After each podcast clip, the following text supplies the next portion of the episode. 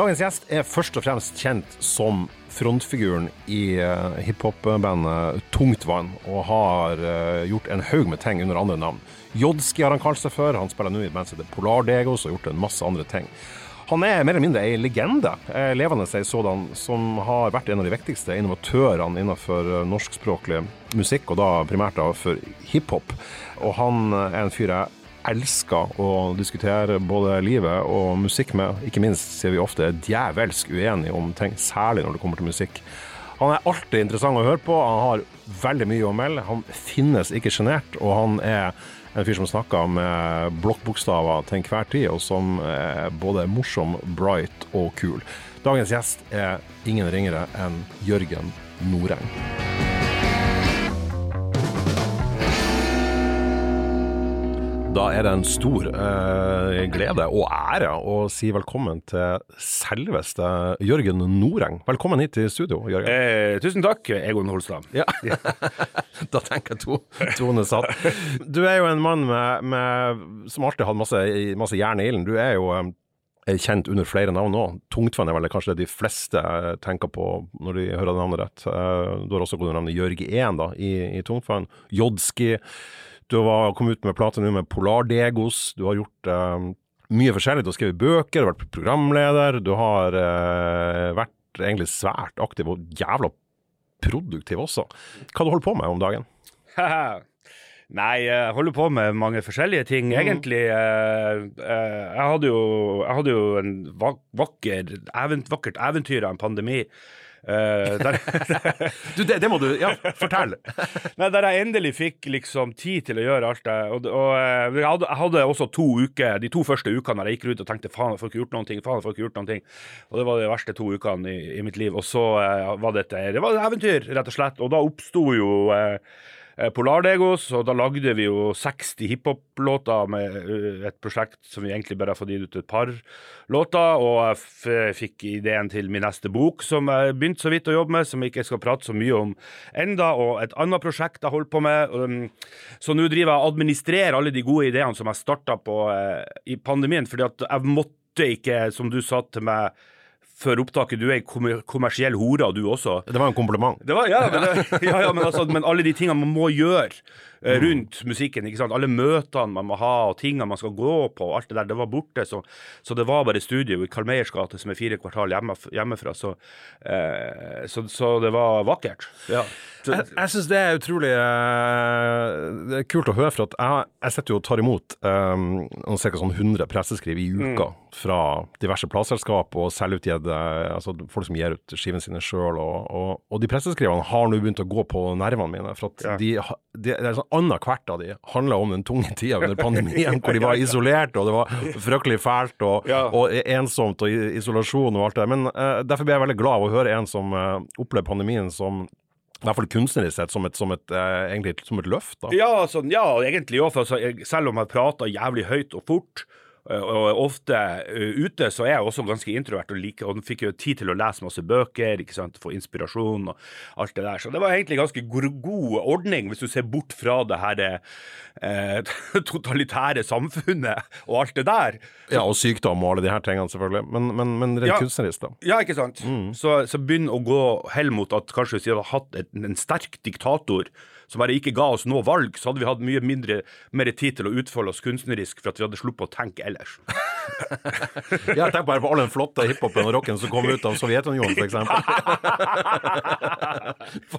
all den fantastiske musikken som kom. ja. uh, men du har, jo, du har, jo, egentlig vært um, ekstremt produktiv bestandig. Vi skal selvfølgelig komme inn på flere av de tingene du, du har holdt på med, men du virker jo også som en fyr som ikke er spesielt god til å slå deg til ro med ting?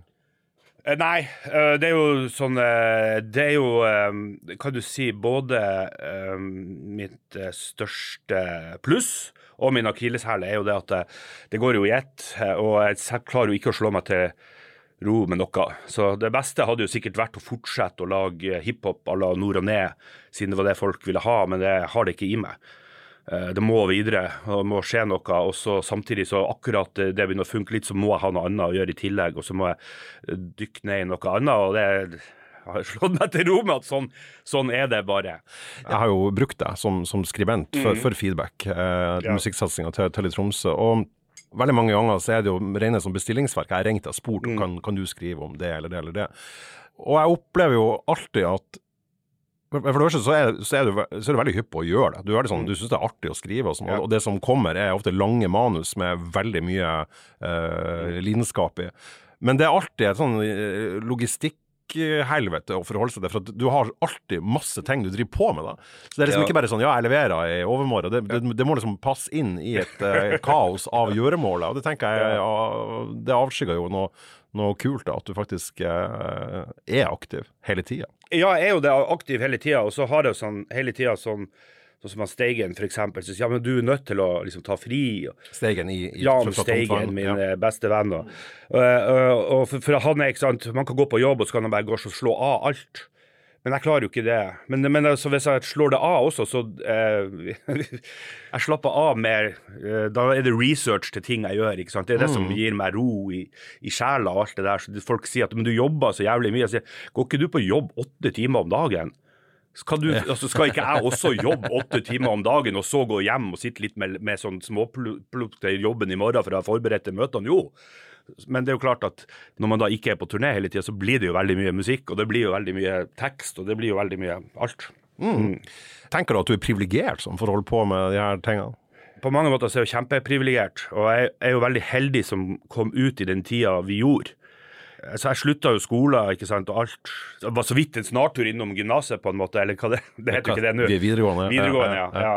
Så stoppa jeg opp egentlig bare for å lage musikk og drive med de tingene. Og så var vi så heldige at akkurat på slutten av 90-tallet så kom, eh, kom svensk hiphop med Petter og slo gjennom, og så gikk alle og venta på når kommer den norske Petter. ikke sant? Det var litt sånn det føles. Ja.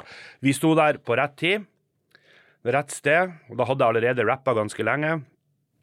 Og hadde begynt litt på norsk, så det var ikke så vanskelig kanskje som, som det burde ha vært å få det til, og da slo vi jo igjennom. eh, og det var også i, i siste del av det man kan kalle sånn her major-labelen sin, sin gullalder. Ja, faktisk. Sånn, sånn at det var veldig lett å være artist de første årene der, før internettet ødela, liksom, og før alt det her, så jeg har bare vært veldig heldig med, med tida, rett og slett. Nå er det klart at nå kan du tjene mye mer penger på rapp. Hvis du ser et band som Undergrunn i dag, ikke sant, som jo er, det er jo fet rapp, som du liksom eh, selger ut Spektrum, eller skal selge ut Spektrum i en alder av et par og tjue, den, det eksisterte jo ikke når vi var der. Nei, det er ganske vilt. Så, så, det, så det er jo noe annet, men, men for de aller fleste som begynner med musikk, så er det jo bare en, en fjern drøm å kunne leve av sånne ting. Sånn som vi har, jeg har kunnet gjort, da. Men, men, eh, men på den andre sida så har jeg også jobba veldig hardt for det, da. Ja. Og, og det er derfor jeg har hatt de sidetingene, fordi eh, jeg kan ikke ha noe vanlig jobb. sånn at da, da Jeg var musikkjournalist fra, nesten fra Nord og Ned kom under navnet Kalle Navn i eh, Farojournalen først. Og, og så Kalle navn, det er bra. Da. Er ikke det bra? Ja, det er Ja. subtilt. Ja, det er subtilt. ja, så, så jeg har nå lent meg på masse ting, men eh, ja, jeg føler meg veldig privilegert. Ja. Ja. For å skru det helt tilbake, du snakker om at du er en, eh, egentlig en videregående dropout, da. men, men du er jo fra Nordland, eh, akkurat som, som undertegnere. Fra et enda mindre sted enn det jeg er fra. Du er fra sjøleste Ørnes. ja. Hvor mange innbyggere er det der? 15 16 1700? Ja, det var nå 1800 i glanstida når Ja, jeg bodde der. ja. Mm. Men det er der du er ifra? Ja, det er jo der jeg er vokst opp. Ja. Det er helt klart. Familien min er fra Bodø. Pappa er fra Bodø sentrum, og mamma er fra Vatnvatnet. Å ja, Eh, der, der har jeg vært. Ja, ikke sant? Som en sånn er leirskoleopplegg. Vatnlia, ja. Ja. ja, ja, ja. Eh, Så det, det er jo eh, Men ja, sokna jo til Bodø, Tverlandet, ikke sant. Så, Ja. så de, de flytta jo til Meløy fordi at han pappa fikk jobb der. Ja. Så vi var jo innflyttere, ja, på en måte. du, jeg vil tro at utgangspunktet Mm. for å bli eh, musikknerd, som jo du er, Ja. sagt med alle mulige positive Nei, vet du hva, jeg har tenkt på det så mye i det siste, for at alle kaller meg nerd nå. Og det, og nå er det, det blir sånn ting at at å være Å vite veldig mye om noe, eller bry seg veldig mye om noe, da er du en nerd. Ja, jeg vet det. Nei, du er ikke det. Vet du hva, du er ikke det. Du er en ekspert. Ja, OK. Ja, men det Ja. er bra. Ja. Vi, her sitter vi. To eksperter. To eksperter. Ja, men hva.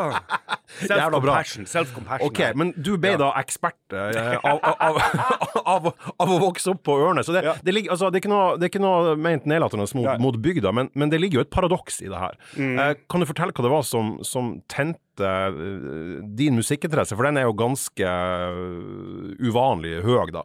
altså Akkurat som det var veldig veldig mye musikk for meg, så trodde jeg bare det var sånn for alle. At alle hadde musikk overalt. Jeg skjønte jo fort at det ikke var sånn. Hele familien min var jo veldig lidenskapelig opptatt av, av musikk, og det første jeg hadde, var jo som mamma fortalte meg, at jeg lå før glasshuset, så lå jeg over en istapp uh, utafor Kokk der på, eh, og søng, søngte Pelle Parafins følgeband. ikke sant? Ah, Pelle Parafins Bur- Ja, så det var min, det var min aller første, uh, første greie da, som så på barne-TV. og Da var det et snakk om at jeg var sånn to-tre. da. Må bare si det til eh, uinnvidde her, at eh, glasshuset det er snakk om her, det er da Bodø kommune som bestemte seg for å bygge glass over et par kvartal i, i sentrum. Og Kokk var sånn kjøpesenteret, Mm. Ja. der de også hadde en fantastisk platebar som jeg sjøl brukte å handle på da jeg var ungdom. Ja, pl platebaren på Kokk, ja. ja. Men i hvert fall, så, så Pelle Parafins Bølleband, det, det, det kjenner jeg meg veldig igjen i. Det Mm. var jo en del av Halv sju. Ja. Ungdomsprogrammet, og det eh, hadde vel tre-fire sesonger, to i hvert fall. Ja, det var jo Tramteatret, som Ja. jo var sånne Ja. 70-talls eh, som, som lagde, og som skulle liksom cashe inn litt på new, som Ja. rulla over, eh, over landet. Dine foreldre husker også da, med andre ord, at du har vært hekta på musikk fra så lenge tilbake som du, som du kan. Ja. Og, og, og du, du nevner jo faren din også, som, som hadde masse skiver. Han er jo en, en kjent mann i, i Mm. Nordlandsdistriktet, og, og jeg husker jo han veldig godt som, som musikkanmelder i Nordlands Framtid. Mm. Det er den ene avisa som fusjonerte med den andre, som heter Nordlandsposten, og i dag er Avisa Nordland. ja. Mm. Og han Kjell Noreng, da, altså faren din, han var jo en ekstremt sånn kunnskapsrik, eh, vitebegjærlig eh, og en anmelder med veldig stor spennvidde i det han skrev om også. Ja. Jeg ble født i 78, og så de, eh, han vokste jo opp ikke sant, i, i Bodø med- på Halt, samme tid som Halvdan og One to Six, og de var på den, eh, The Who og alt det der. Så ble han en sånn weird eh, jazznerd rundt 1970. Uh, og så bodde jo de i Bergen og Tromsø hele 70-tallet og studerte. Bodde han i Tromsø? Ja, jeg er født i Tromsø. Å, dæven! Her kommer det Ja, en dag. nei, de, de flytta til Bergen tror jeg rundt 72, og så flytta de til Tromsø mot slutten av Der bodde jeg til jeg var to år. Nettopp. Så da, da pappa gjorde da, var jo at han studerte, og så tok han seg noe sånn ekstrajobb med å tror jeg, hjelpe elever, eller hva det var. Og alle de pengene gikk han på platebarene i Tromsø og kjøpte musikk for. Ah. Så han hadde veldig mye, hadde veldig mye 60-talls, litt jazz, og så var det et hull der progrocken og det på en måte var tidlig 70-tall. Men så fra punketida, da, 76 til sånn 84, så var han megahipster. Og leste alle sånne her New Musical Express, Melody Maker. Melody Maker. Ja. Han sykla ned på kiosken eh, tirsdag klokka halv seks når de kom med bussen fra Bodø, og kjøpte alt. Så han hadde eh, alt av punk, new wave, tidlig hiphop, eh, elektroting, eh, industriell musikk. Altså absolutt alt det her. Så jeg gikk på et sånn konstant sånn oppdagelsesferd i, i den samlinga. Herregud, det har vært fantastisk. Altså, Mm. da hadde jo egentlig du, du hadde jo egentlig et Spotify i faren din, på en måte, da. Ja, på mange måter. Et Og- og- analogt Spotify, da. ja. Og i tillegg så hadde han jo eh, så kjøpte han jo alle numrene av Puls og Nye Takter og Beat fra De norske fra musikkavisene. De norske musikkavisene fra, fra de begynte i 78. Og, det, og jeg kan jo huske veldig mye på Ørnes at jeg lå liksom på loftet og leste i de der gamle bladene mens de andre ungene var ute og lekte. Det er iallfall sånn jeg ser det for meg i hodet mitt. Eh, så jeg liksom vokste opp veldig med med det der, og, og derfor har jeg jo også en mye eldre musikksmak enn en, Eller musikkforståelse, kanskje, enn en andre på min alder. Ja, og så tenker jeg også sånn på, når du er på, på bygda, da. Mm. her er jo skikkelig bygda. Når. Ja. vi snakker under 2000 innbyggere, så kan vi definitivt kalle det for Ja. bygda. Så er jo ofte alternativene ganske få. Ja. Du har fotball, selvfølgelig har du overalt, Ja. og så har du korps. Mm. Og Det er gjerne enten begge delene eller én av delene. Mm. Og da er det ganske skrint hvis ikke du gjør noen av de tingene. Det er det jo. Og jeg spilte jo i korps. Å, hvilket instrument? Althorn. Det er der, der reggaen kommer fra. Spiller, når du har sånn eh, marsj, så spiller de bapp, bapp, bapp. Ja, ja, ja. ja, Jeg kom inn i korpset da jeg var åtte år. Eh, Så kom jeg, eller når jeg kom inn to år før man egentlig fikk lov. Sant? Sikkert bare for å få meg til å gjøre et eller annet.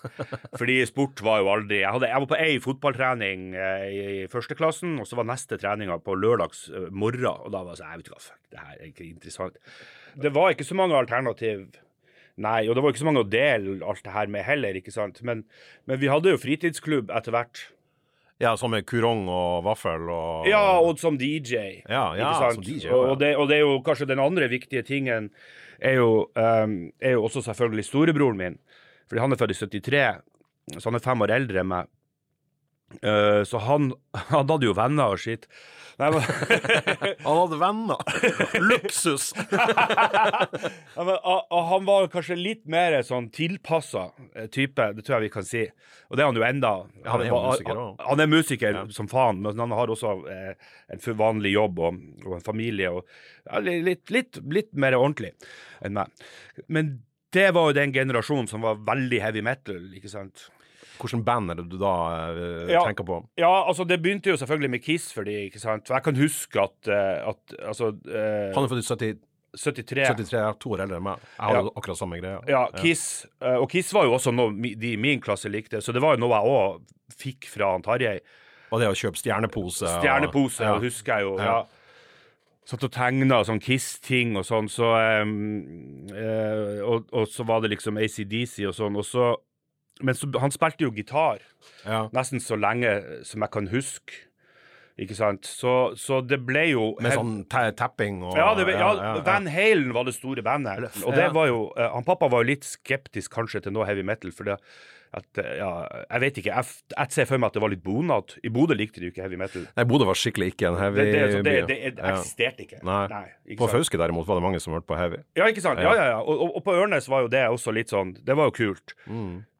Og så utvikla vel hans heavysmak seg på en måte mer i de som var flinke å spille. For at Altså Steve Vai og nat- naturlig når du, er, når du er musiker. Klart. Ikke sant? Eh, så fra Maiden og de tingene der, og så ja, og så videre og, og så til sånn derre Yngvi Malmsten. Ja, og Steve Vai og Og så Steve Vai. Ja. Han hadde hele gutteromsdøra hans var dekket av bilder av Steve Vai i bar overkropp med Steve Vai, the high priest of guitar. Jeg syns jo ikke det var var så kult når det ble sånn. Jeg var jo, jeg var jo en er veldig- jævla dårlig gitarist. Ja, og det her er jo veldig, veldig teknisk. Det er veldig Eh, teknisk, ja. og det er jo, ja, ikke sant, gitarrunking kalte man jo det, ikke sant? ja, og det, det ble sett veldig ned på i enkelte miljøer også. Jeg var jo blant de som Mm. etter hvert syntes de her tingene var ganske teit. Jeg husker jeg leste en sånn anmeldelse i, um, i jeg tror det var i engelske Q, hvis jeg husker rett. Da hadde de anmeldt ei Yngvi Malmsten-plate. Ja. Og hele anmeldelsen var som følger. Det sto uh, uh, His guitar goes twiddly, twiddly, twiddly. We go. Fuck off. Ja, en voldsom arroganse mot den her flinkis uh, Ja, ja, ja, ja, ja, metalen. ja. Og, det, ja, og det bryr meg litt imot. Men for min del så ble det sånn. Og det, jeg vet ikke om det var for at jeg var jævlig dårlig å spille gitar, for jeg var dritdårlig, men jeg spilte jo lenge. Ja. Men jeg ville jo ha noe litt tøffere. Og også fordi, fordi på en måte selv når jeg var bitte liten og hadde Altså, punk var for meg alltid en sånn herre det var noe, noe som vi Ja, ikke sant, Sex Pistols og Sham 69 og, og Clash og sånn. Det var sånn som han pappa spilte høyt. Og som Den engelske, eller den britiske britisk, punken, britisk punk, ja. ja. Damn og alt det her. Og det var, det var ting som ble spilt veldig høyt. Og i den, det som da ble kalt punk, så fant jeg jo Susie and the Banshees. Med Susi Su. i Med front. Susie Sue. Uh, og det, det tror jeg var min en sånn stor veiviser på en måte framover. For det er, det var, hvis du hører førsteplata deres, så er det, det er jo punk. Den er jo, altså The Scream, den er jævla skitten. Men så har de noe sånn avantgarde ved seg også. En Ja. sånn, det er noe, de, er veldig, de skiller seg veldig ut, da. den der litt sånn eh, disharmoniske, atonale synginga hennes, som er jævlig ekstrem på førsteplata. Og Den versjonen av Helter Skelter med Beatles der, den er jo, den er jo nok til å få mareritt av. Og så så du samtidig bilder av henne med den goth-sminken og, og Ja, veldig outrert. Og, ja, outrert, og med sånn nettingstrømper og sånn, så tenkte jeg bare det er sykt mye kulere enn Kiss. Eh, men, men, like, men like mye image, da. Og jeg tror det på en måte Det albumet og det der på en måte fora veien min litt. For jeg lik, likte alt som var sånn litt stygt og slemt, da. Ja. Ja. Men Det, det, det, virker jo som eh, For vi vet jo hva, hva du etter hvert eh, begynte å lage sjøl, men, men, det, men det virker på meg som, som har fulgt deg både, både fra sida og etter hvert blitt kjent med deg og snakka mye musikk med deg, Ja. så, så virker det på meg som, som den her kanskje særlig da den britiske punken, egentlig alltid har vært en slags trygg havn å seile inn i. da. Ja. At den har vært der hele tida som en del av grunnmuren i din musikkforståelse. Bestandig. Ja, det har den vært. Og så sto jo jeg da som ikke sant, Når han Tarjei begynte å gå Og han, han kom jo hjem med første Metallica Kill Em All når jeg var fem eller seks år. Og dæven, ja. Ja, Og det var jo helt sykt rått. Ikke bare heter den Kill Em All, men, men du så Og så sto det 'Bang that head that doesn't bang'. Og det, og det var min Det var Ja, altså, mitt cue. ja, altså er det jo Det er jo mye punkrock i tidligere Metallica også. Eh, de, er veldig, de er veldig influert av punken, da. Ja. Kanskje særlig den amerikanske punken. Ja, ja, og jeg hadde jo ikke sant, aversjoner mot alt som var kommersielt eller sånt. Alltid, det, det er jo noe egentlig sikkert å ha fra, fra faren min også. Eh, og ville ha alt som var tøft. Så Metallica var jo rett. Eh, jeg ble jo veldig sånn Anthrax-fan, da, mest fordi de lefla litt med, med hiphop. Men den mørke delen av thrashen og sånn også var helt Ja. ja. Den her britiske punken den fikk du da gjennom uh, han Kjell, altså Mm. faren din. Men uh, var, var du også over i den amerikanske punken? Med liksom Ramones og Stooges og New York Dolls og den tidlige Ja. uh, Misfits og etter hvert. Dead Kennedys, alle de her Ja, Dead tingene. Kennedys. eh, Altså, pappa har Ja, Dead Kennedys og Black Flag. Jeg kan huske at vi hadde en sånn Og det her er snakk om i sånn andreklassen eller noe sånt. Ja. Og da fikk vi lov å ha med ei plate og skulle spille på skolen, og da hadde jeg med 'Damaged' av eh, Black Flag. Black Flag! ja. Black Flag, legendarisk hardcore-band eh, fra USA. Herregud, eh, veldig lite um, vanlig, vil jeg tro, på sånn, eh, den type seanser. da. Ja, ja, ja, 'Rise Above', for det er liksom en av pappas sine favorittlåter. Altså, så han eh, Kjell er fan av eh, Ja. Hadde han Bad Brains og sånn òg, da? Nei, Bad Brains hadde vi ikke. Og, og det, du må huske at på denne tida så er det jo bare akkurat hva du hadde råd til å kjøpe den uka, det som sto i New Musical Express, som avgjør hva du har, og hva som var Ting var veldig lite tilgjengelig. Ja. Ikke sant? Men Black Flag, det hadde han. Jeg kan også huske vi var på Blitz når jeg var tolv, og han pappa skulle høre på første Rollins-band, eller noe sånt, og han fyren så på han og tenkte Rollins Band, altså avløperen til frontfiguren i Black Flag. ja, ja, og Henry, pappa, Henry Rollins. pappa var da en fyr på min alder nå, ikke sant? Var godt voksen fyr. Han kom inn der, og han fyren så på han og bare Ja, jeg er ganske harde saker, ass. Og, Og advarte han! ja, ja. Og så sier han pappa bare Ja, men jeg bare lurer på hvordan det var i forhold til tidlig Black Flag, eller liksom det senere My War-greiene og sånn, og da blir de sånn herre OK, ja, hva skjedde her? Ja, her, her kom det en smart og kul gamling inn døra. Ja, nei, så, det, så det hadde jeg. Men eh, den der, eh, den der eh, punken du snakker om, den hadde vi ikke. Altså, Pappa digga jo Stooges, Ja. men det, det er ikke noe som jeg hadde fra min barndom. New York Dolls hadde han Blamont kom ikke for seinere, for det ja, men det var aldri det som var helt min greie. Nei, for jeg husker han Kjell, han, han var også kunde hos meg Ja. på platesjappa. Eh, da bodde han jo i, på Ørnes, Ja. Eh, og da brukte han å ringe meg. Ja. Det han bestilte da, det var ganske skrudde jazzgreier. altså, Ja, okay. var. Philip Glass og Ja. eh, de her tingene. Men når du sier at han digger Stooges, så gir det veldig mening, for de er jo veldig sånn krevende. eh, streng eh, rock med, med forankringer over, til og med også i, i jazzen, altså, med saksofoner ja, ja. og ja, ja, ja. Og, og når den der Hva heter den, Raw Power kom, så hadde jo han allerede hørt på Ornette Coleman og sånn i flere år. Ikke sant? Ja. Så det var Nei, det digga han jo. Jeg vet ikke om jeg skjønte noe av det da, eller fikk noe ut av det. Det har jeg på en måte gjort i, i seinere Senere år, men han hadde jo alltid med en del av de her nye rockebandene som kom rundt 2000-tallet, så det her trenger jeg ikke, jeg har Stooges hjemme. Jeg er helt, jeg er helt enig med han Kjell. Det er du ikke. Nei, men, men, men, men, alt, det her er jo, Ja. alt det her gir jo veldig mening, ikke sant? Eh, overgangen fra, fra Kiss og til Heavy heavy og til eh, britisk punk og en far med stor platesamling. Alt, alt det her gir, gir, gir veldig mening, og alt det her er veldig logisk. Det som ikke er fullt så logisk, det er at du da er på Ørnes, og den tilgangen du har, er samlinga til faren din.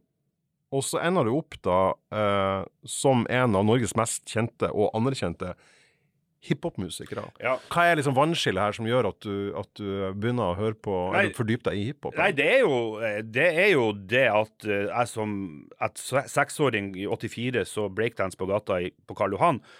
Uh, det, det året da Beat Street kom og breakdance var en bølge. Beat Street, den filmen. Filmen, Ja. ja.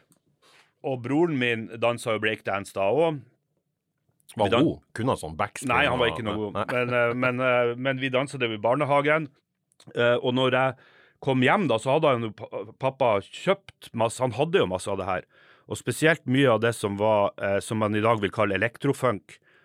For husk at den der tidlige 80-tallet, så er det jo eh, når, når de første hiphoperne kommer inn til Manhattan og henger med Blondie og henger med, med punkere og, og, og alternative hvite musikere, så oppstår det en slags Det er liksom samme bobla alt det her er. Det er der Beastie Boys kommer fra, ikke sant? Punken og hiphopen kom jo omtrent samtidig. Ja, de kom nøyaktig samtidig. I, ja, i, i, i USA. Ja. eh, som, som en sånn felles bølge som stilte seg på sida. Ja, det var Og du hadde én fot i hver leir Ja. Ja. Så jeg var veldig opptatt av det, og ga meg vel ikke på det. Og så kom jo den bølgen i 86-87, når jeg var litt under ti år, og da kom Run DMC, LL Cool J og alt det her. Og det digga storebroren min også, for det her var jo også hard rap, ikke sant, Mm. Beastie Boys, med litt rockegitarer og sånn i. Og Ja, så hadde en voldsom crossover-appell òg. Voldsom. Ja, ja. Og, og, og, eh, og da var han pappa helt på, han, og han drev og kjøpte plate for noe som heter Hot News i Hegdehaugsveien. Og broren min da var da 15 år og ble ansatt som DJ på Ørnes hotell. Å dæven, ansatt som DJ på Ørnes hotell! Som 15-åring! Herregud, for jeg, jeg ser for meg liksom hotellene på denne tida. Ja. På Fauskehus også, så var det sånn her um, det var sånn østeuropeisk orkester i sånn likens dresser. Yes. Sannsynligvis spioner fra KGB. Ja, eller sånn, Det var, eh, eh, som spilte helt sånn cheesy, ræva eh, dans, dansebandmusikk. Ja, det- Så at Ørnes da ansatt en 15-åring eh, som DJ, det er ganske fre freskt, vil jeg si. Ja, det er jo også ganske ulovlig. Ja.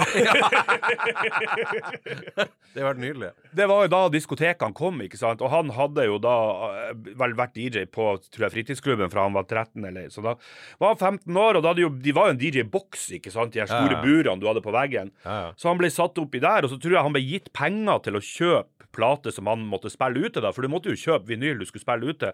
Og da kjøpte jo han også en del sånne her Public Enemy og Run DMC og sånne ting. Så, Ja, de tidlige, Ja, de tidlige der. Så da, var- da var det jo gående Det var jo noe eget og noe nytt. Og så fikk jeg jo et par kompiser med på det her også på Ørnes, at vi var et lite crew på tre stykker. Og, og så, siden han Tarjei var så inn i helvete god å spille gitar, så var det på en måte ikke noe vits i for meg å prøve på Nei, for du å- visste å at du, du bare bli en dårlig kopi. eh, Ja, ja, ja, ja. Og så- hadde jeg ikke stamina til å sitte der og, og, og, og øve og, gjøre de der tingene. Jeg ville skrive ting. og så var jeg veldig opptatt av det skrevne ord. så det, Bare det at det passa meg så jævla bra rapp.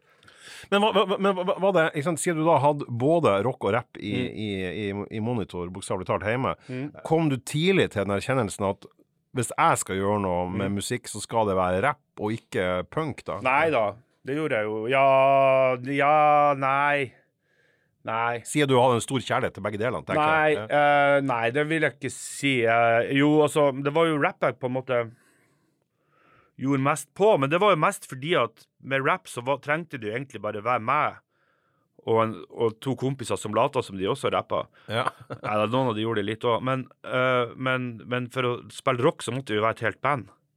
ja, og litt mer vanskelig. Og flere kompromiss, kanskje òg. Ja, flere kompromiss, Ja. Også, også, også, men det var, jeg var jo like Kunne like gjerne ha vært, ha vært det, Uh, men ja, det ble, jo, det ble jo rapp fordi at jeg følte at det var på en måte noe eget eh, rundt sånn 1990-91, når første norske rapplata kom, så var det liksom noe eget, og det var min greie. ikke sant? Hva var det? Var det A-Team, det? eller? A-Team ja, kom. mm. Jeg husker de var på forsida av Beat, og det var jævla spesielt. ja, Ja. ja, ikke sant? De var det. Og, og, da, og så var det en, en kompis, eller en, en fyr fra Oslo, som pleide å være på besøk hos bestefaren sin på eh, Ørnes, som fora oss litt info om det miljøet, og da skjønte vi, og så så vi Tommy T og de på TV og tenkte bare faen, det går jo an å gjøre det her Mm. i 90-91. Så da på en måte ble jeg seriøs at det var det jeg skulle gjøre. Og da Ja. fikk man jo sånn utover 90-tallet en slags sånn der eh, illusjon om at man bare skulle høre på én sjanger og være tru til den og keep it real og alt det. Så det var jo fra Det var jævla strengt. Det var jævla strengt, Ja. men, det, men det sammenfalt med at rock ble dritt. Ja. Ja. Post, post-grunge, særlig. Post-grunge. Ja. Altså, jeg digga jo Vi digga jo Jeg digga jo tidlig altså Nirvana og alt det der. Bleach-plate vi hørte jævlig mye på. Debuten, ja. Ja, eh, 89 kom den, da. ja, ja men den, den hørte vi nok etter Smells Like Teen Spirit kom. Jeg likte jo første Pearl Jam når den kom, jeg skal ikke lyge. Eh, Vi var på, jeg så de på Kalvøya, de og Faith No More. Og- den klarte jeg altså aldri Den kjøpte jeg to ganger Ja. og bytta inn hver gang. Jeg klarte aldri å like Pearl Jam. Jeg syntes det var helt forferdelig. nei, nei, nei, det, det var, men, men det var sant, men, men så skjedde samtidig ikke sant, at mine gamle helter i Metallica blir plutselig alle de guttene som ikke likte meg eh, når vi var små, eh, begynte de å like Metallica. Og alle de jentene som var dust, de begynte å like Metallica. Og samtidig så ble liksom det med grunchen og så ble jo metal bare helt eh, jævlig. Ja, den imploderte jo egentlig i det der eh, Ja, det, ja, kaoset. på mange Ja. måter, ikke sant. Som Bortsett fra, bortsett fra kanskje Metallica og Guns N' Roses og Ja, og Guns N' Roses, som jeg også var enormt fan av, Appetite for Destruction, det, det er av de beste platene som er lagd, mener jeg. Og de ble også helt krise. Det eneste som var kult av det som kom, følte jeg da, var jo Pantera. Og så kunne det sikkert ha blitt noe black metal, men de var jo så tjukke i hodet. Altså, Forbanna idioter. Så det var liksom ikke noe kult, det heller. Så, øh, og, og, så, og så var det da nakke... Eller sånn eh, Hva heter det?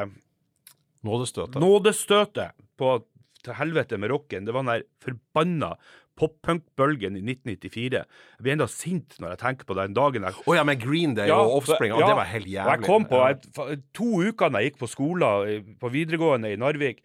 Og der kommer jeg inn, og halve klassen har gult hår og går rundt med seggebukse og så snakker om punk, og jeg tenker bare Det er jo ikke faen ikke punk.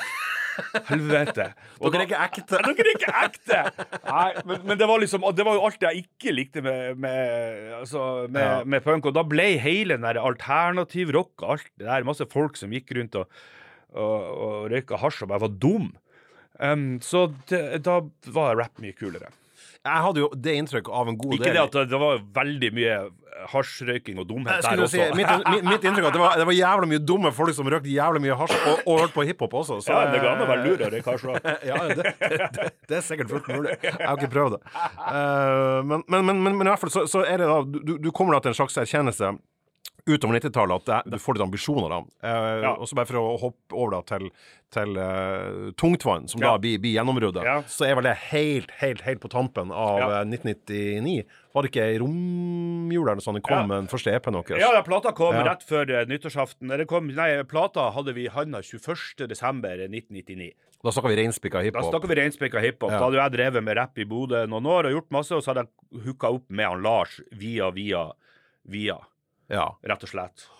Det, det, det som er spesielt med, med, med den tida her, er jo at, at sikkert også mye av grunchen, som, som litt sånn over natta eh, gjorde alternativ rock veldig kommersiell, så fikk plateselskapene liksom panikk for å, å, eh, å ikke være med på det neste store. Eh, denne teknoen hadde blitt mainstream mainstream og alt i løpet av 90-tallet. Og, og det kule med, med, med, med Tungtvannet er jo at eh, den første norskspråklige hiphop-skiva Kanskje Gatas Parlament var vel i gang, de også, var det ikke det? Omtrent samtidig? Altså, Gatas Parlament ga jo ut plat musikk allerede i 94. Ja, ikke sant. Så, men i hvert fall, den første norskspråklige med, med såkalt dialekt Jeg mener at folk i Oslo lov å si dialekt for dialekter. Men Altså, Gatas Parlament har jo dialekt. ikke sant, det er akkurat det jeg mener. Vi har i hvert fall dialekt. Ja, Men, men uh, i, i, uh, i 1999 så, så, så signerer altså uh, EMI, et av de store, et av de fire store, signerer da både hiphop, og de signerer også etter hvert også black metal, og, og gir ut et såpass vågalt album som det her var, da. I ei tid hvor det, de nok hadde panikk for å gå glipp av det neste store, og dere ble jo det neste store. Ja, på no, på, ja, mange sier det. Men Er du uenig? ja, altså, det her er jo det at jeg og Lars følte aldri at vi var det nye store. Vi følte aldri at det gikk noe særlig bra. Lars, altså Poppa Lars. Ja, Poppa Lars, eh, ja. ja vi syntes det var helt greit, det her. Men tenkte ja, nå er det nå fikk vi det der, altså nå er det noe over. Vi hadde hele tida en sånn Vi var, følte jo at vi var jo eh, outsidere i bransjen, og ingen likte oss. Og de som først likte oss, gjorde det oftest på feil premisser. Så den der- solskinnshistoria om tungtvann, den, den er mest i deres øyne. Men det er jo hyggelig, for det er jo kanskje dere som har rett. Nei, jeg har ikke noe sånn Jeg, jeg har ikke noe egentlig noe Jeg har verken, jeg har verken, verken eller. Altså. Jeg, jeg, jeg, det- synes det er veldig interessant hvis du ikke syns det er solskinnshistorie. Ja, Altså det, jeg og Lars vi har gjort jævlig mye kult og lagd mye kul musikk, men jeg tror aldri vi følte at vi var veldig suksessfulle. Altså, eller at folk syntes at alle var jævlig glad i oss. Men det er klart at på den første runden der så føltes det sånn, men det føltes litt sånn som du sier, at de var det for at de var redd for å, for å gå glipp av, og de ikke skjønner noe. Så sa de bare det her er dritkult, uten å egentlig vite hvorfor det var dritkult. da, Og, det, og det gjorde jo oss bare mer frustrert og misfor, misforståtte eh, rappgenier. Men tror du den, tror du den, eh, den nordnorske eh, bakgrunnen med det nordnorske språket, eh, at det var vesentlig? At det ble en slags sånn der, Nei, de- eksotisme i det? da? Ja da, det er klart på en måte, men, men, men, men det som er at det, det, misforståelsen er jo at vi knakk koden om å rappe på dialekt. Det, det som er rett, er jo at vi, vi knakk koden om å rappe sånn som man prater, Ja. ikke sant? Fordi at eh, det aller meste rapp som var før, var på en måte bokmål. Eh, og vi, jeg og han Lars, uh, snakka sykt mye om det her at, at den rappen vi hørte på, var jo slengen de prata i gata. Sånn som det var. Og, da, og det måtte, alt vi skulle si måtte, i en tekst, måtte kunne sies. På de, på de eier dialekt. Nei, måtte, si, måtte jeg kunne si uten at det er rapp. Ja, nettopp. Ikke sant? Det skal ikke være noe dikt der. Det skal ikke være noe opplesning. Det skal være rap som et verbalt altså, Og det var det som vi gjorde. Ja, og som ville ha veldig mye energi i å bruke de rette ordene, mens andre oversatte engelske ord til norsk, så gikk vi og gravde og fant ut hva er det vi egentlig sier for noe. Og hva bruker vi? Og sånn. Og så, så at det var nordnorsk, det, det mener jeg er Ja, det bidro nok litt. Men jeg tror det hadde mer med at det var så direkte. Men det er klart at på nordnorsk kan du slippe unna med å bannes mye mer. Det der, det der er veldig Nå, skal, nå sa jeg veldig for ikke å bannes, for, Ja. for ikke å gjøre det sånn meta. Det er jævlig typisk. Men, men jeg, jeg husker jeg hadde et um, Jeg var med i et radioprogram med, med to Altså en mann og ei dame som var fra Oslo-området, eh, og så var det meg. Eh, og hvis en av dem bandt, så ble det masse reaksjoner. Men jeg kom, jeg kom, så, jeg Ja, kom så jævlig billig unna det. Ja, det er jo det. Og det var litt sånn berøringsangst for at, for at det stakkars stigmatiserte uh, untermennesket oppe i nord som har sittet der i alle år og blitt mobba av staten, de må jo få lov å ha den her bannskapen sin. Er det ikke sant? greit? det, det siste, liksom. det siste de har for å klamre seg mot stormakta og undertrykkerne. Så ja, nei, så vi kom nok unna med mye fordi at vi var nordnorsk. Og så tror jeg også det, det på en måte Det at vi var nordnorsk, gjorde det lettere for, uh, for andre enn um, storbyeliten å like det. Fordi jeg tror kanskje Tommy Tee og det er veldig storbymusikk. sånn at de som var i du, Det er lett å føle at du ikke henger med. Ja. Mens, mens jeg kommer fra Ørnes, det er en mindre plass enn du kommer fra, da kan du også høre på det. Ikke sant? At det var litt det, at det var på en måte en, en ting som tok brodden av, av den der For du, du vet at folk var jo redd for å snakke med hiphopere. Ikke Ja, sant? men- Bare, ja, må ha capen bak frem for å snakke med dem, ellers blir de sur. Altså, det var, sånn de var, det var så mye kode. Ja, det var mye, mye dogma, altså mye dogmatisk tankegang Og- ja, ja, ja. innenfor hiphopen òg. Altså. Veldig mye, mye regler. Og, Ja, og vi spilte på det masse sjøl også, så vi skal ikke si noen ting. Men jeg tenker på de her Jeg, jeg, jeg, var, um, jeg, jeg har stått og hørt på de, på de skivene deres, Og og det er alltid artig, når, når det har gått så lang tid som snart 25 år, da er vi et kvart århundre, liksom, siden, siden vi, er, vi er der. Så tenk på de, de tekstene Det er en del ting der som jeg tror ville ha blitt problematisk i dag. Masse. Og den ubundne gjest, da, for eksempel. Ja. Det, er, det er noe name-dropping der av Kari Bremnes og André Drekker og Frost og Lene Marlin som Jeg tror Hvis du hadde rappa det her nå, Mm. som, eh, som Jørgen Noreng, eh, 45 år, så tror jeg kanskje ikke det har gått hjem. Hva, har du tenkt på det, liksom? Ja, så klart har jeg tenkt på det. Eh, og det er jo klart, men, men, eh, men ikke sant, det er kontekst og tid og alt. Og det vi gjorde, var mm, I stedet for å oversette amerikansk rapp til norsk, så tok vi med oss tropene eh, inn.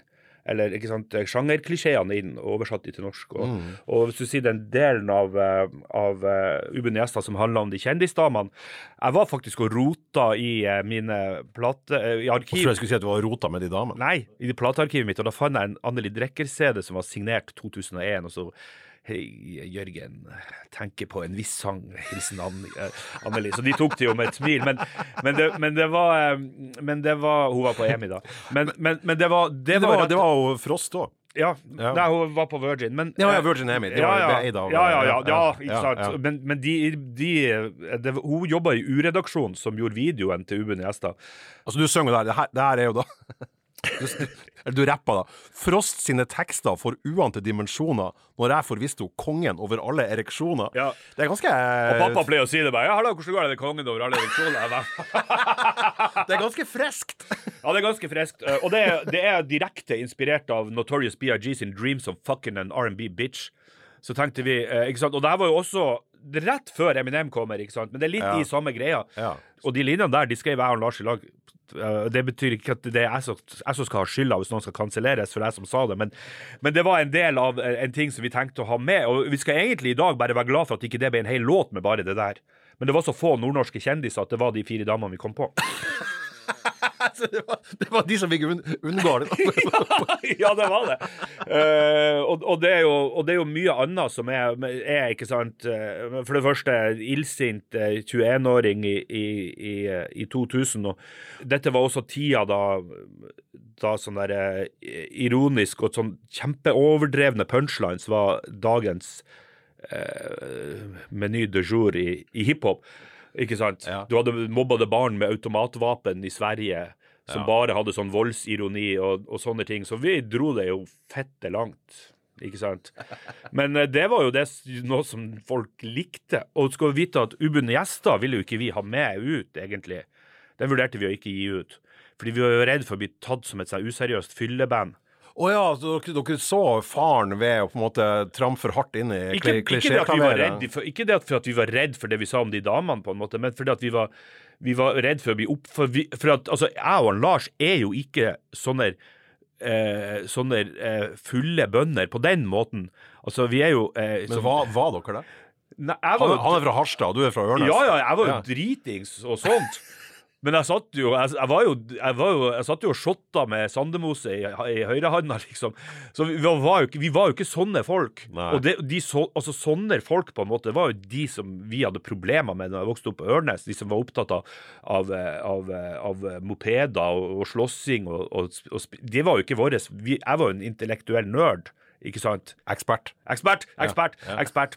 Men ja, eh, så, så det var vi veldig var for. Og, eh, og vi ville vel egentlig ikke ha med ubudene på nord og ned. Det, var, det var, tror jeg mener Emi var Og bransjehora var ikke vår idé å gi ut som singel. 2002. Ja, det Ja. var andre albumet, og det var det Emi som ville vi skulle gjøre. Ja. For de syntes den var dødstøff. Og vi var litt sånn Æh, ikke sant? Og, og, og vi ga ut fire elementer som singel fra nord og ned. For vi var et seriøst hiphop-band. Mm. Det var det som var viktig for oss. Vi burde selvfølgelig ha gitt ut 'Jeg gir meg nu faen'.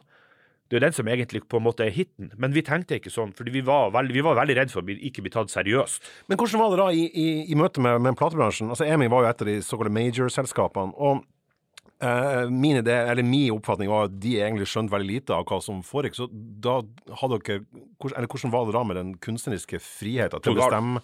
Ikke sant? For dere, det var dere som sa på kunnskapen også. Ja, det var det, men det var også hun Gry Sakariassen eh, Ja. som signa oss. Eh, Ja, det, var, det var Gry som signa dere? Ja, ja. Ja, nettopp. Ja, og ja, ja, ja. Og, og, eh, og det var jo grunn for å huske at vi var jo vi, Alle major labels var jo interessert. Gry var den første som ringte meg. Det var dere og gjorde dere lekker for hele gjengen? For Warner og Universal og Sony, de, de andre masse, store? Sykt mye gratis øl og middager. Og, ja, for det var, jo, det var jo sånn det var. ikke sant? Så vi tok jo alle møtene også, fordi at jeg hadde jo ikke råd til noe særlig øl sjøl. Det var jo masse penger i, i platebransjen på den Ja, det var masse penger. Ja, for meg var det bare herregud, for middag på restaurant med Ja, det er jo helt vilt.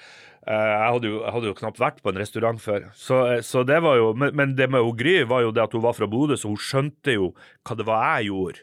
Hun skjønte jo altså den kulturen jeg kom fra, på en måte, litt mer enn enn de andre eh, gjorde.